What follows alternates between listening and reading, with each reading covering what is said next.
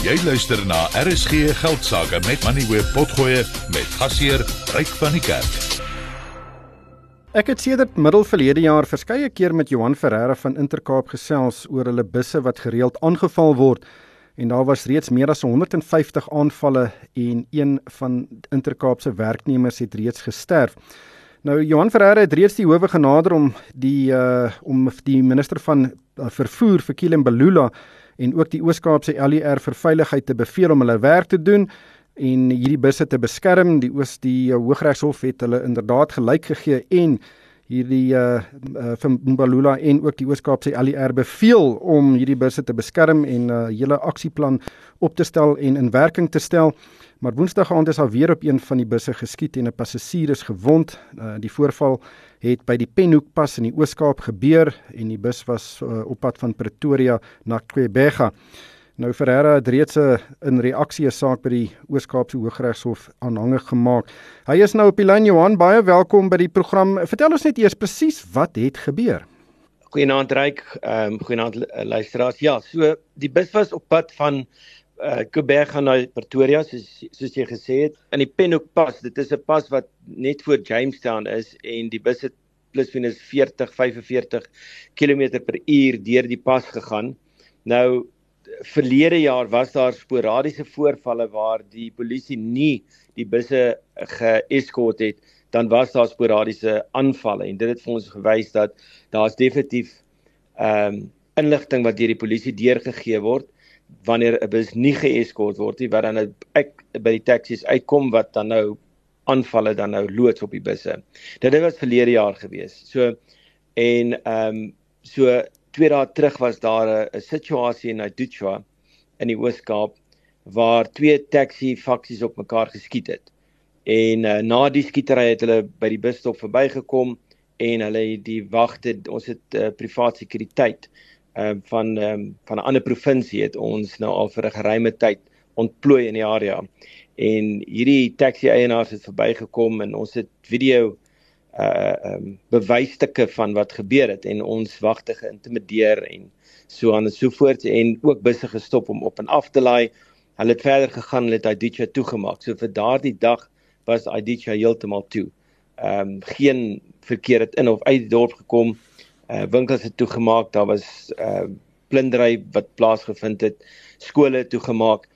En jy weet wat vir my ongelooflik skokkend is, is dat taxi eienaars en lede van die publiek kan hierdie aksies, hulle noem dit protesaksies, protesaksies uitvoer. Ehm um, en hulle word nie gearresteer nie. Jy weet hulle kan 'n hele dorp toe maak, ehm um, geen arrestasies vind plaas nie.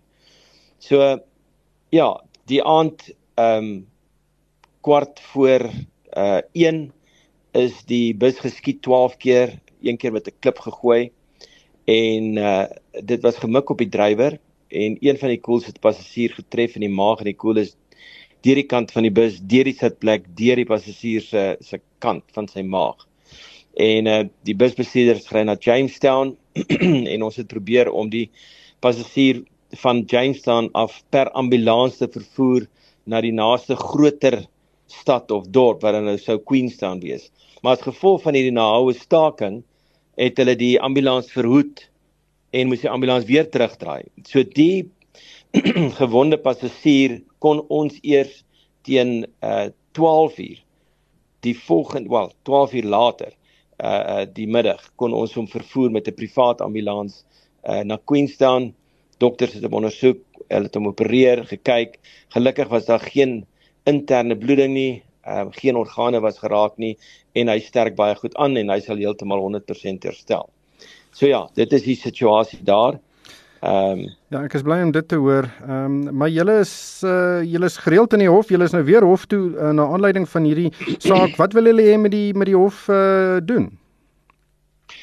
Ja kyk, dit is 'n saak wat nou al kyk, ek ek het ek het ek, ek kan hierdie ding ek het hom in elk geval voorspel uh maande terug toe ons seker in die hof gekom het, het ek geweet uh vir Kele gaan appeleer. Ek het dit verwag en ek het verwag dat ons weer hof toe sou gaan en die die regter uh, het dit ook verwag want hy het vir ons 'n oop uitnodiging gegee en gesê as julle nie regkom nie as die plan wat geformuleer gaan word nie werk nie nie goed is jy kom terug hof toe. Ek sal julle aanhoor en ons sal dit verder vat.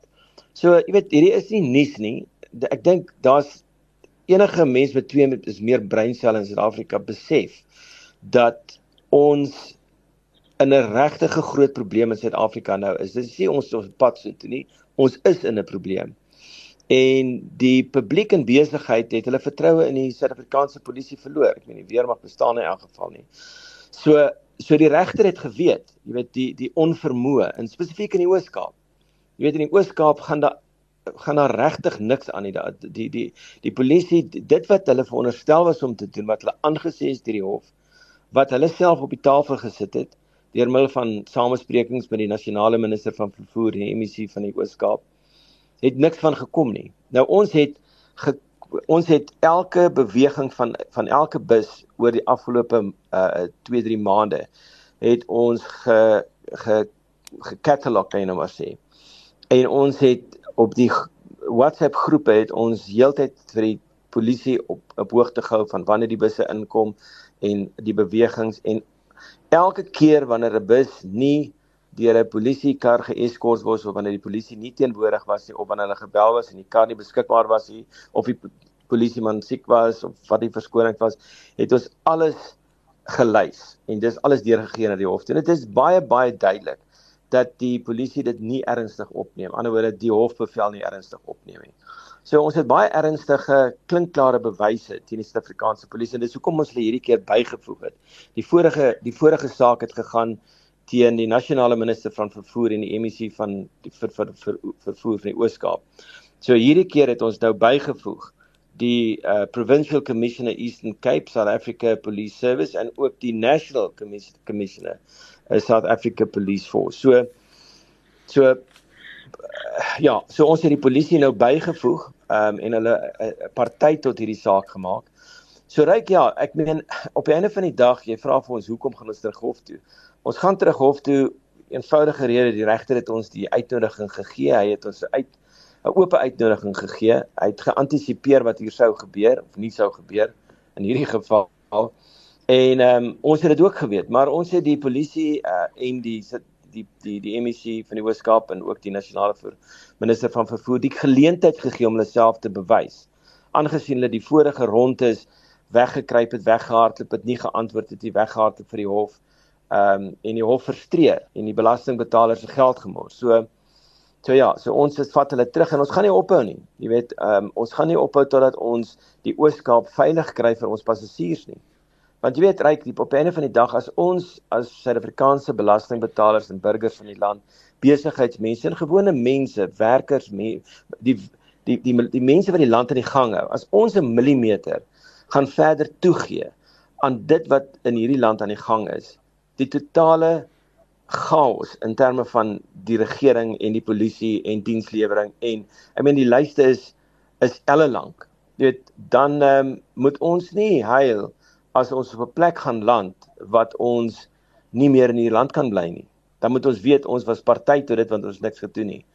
So ek en my hoedanigheid as maar net 'n burger van die land het net gesê dis nou klaar, dis nou genoeg en ek dink wanneer elke burger van die land besigheidspersoon en en en en en en belastingbetalers sê dis genoeg.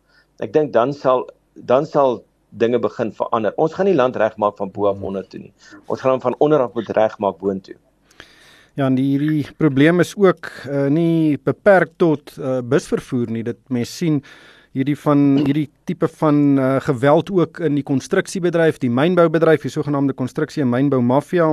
Ons sien dit ook in in in kleinhandel in in in baie opsigte en en hopelik gaan jou hofsaksies 'n uh, presedent skep sodat daar opgetree word in al hierdie sektore. Dis net jammer dat daar nie baie ander partye saam met jou hierdie saak veg nie want soos jy gesê het, uh mens kan nie terugstaan nie en mens moet dit vat en die howe is die een manier om dit te doen en en hooplik is daar dan nou 'n uitkoms daar wat 'n president skep dat ons hierdie probleem regtig uh aanpak. Dit is uh, regtig kommerwekkend om te hoor hoe die polisie daar betrokke is. Maar Johan, baie dankie vir jou tyd vanaand. Dit was Johan Ferreira, hy's die uitvoerende hoof van Intercape. Jy het geluister na RSG Geldsaake met Money where potgoe elke weeksdag om 7 na middag. Vir meer Money where potgoe, besoek moneyweb.co.za of laai die toepassing af en volg Moneyweb News om dagliks op hoogte te bly.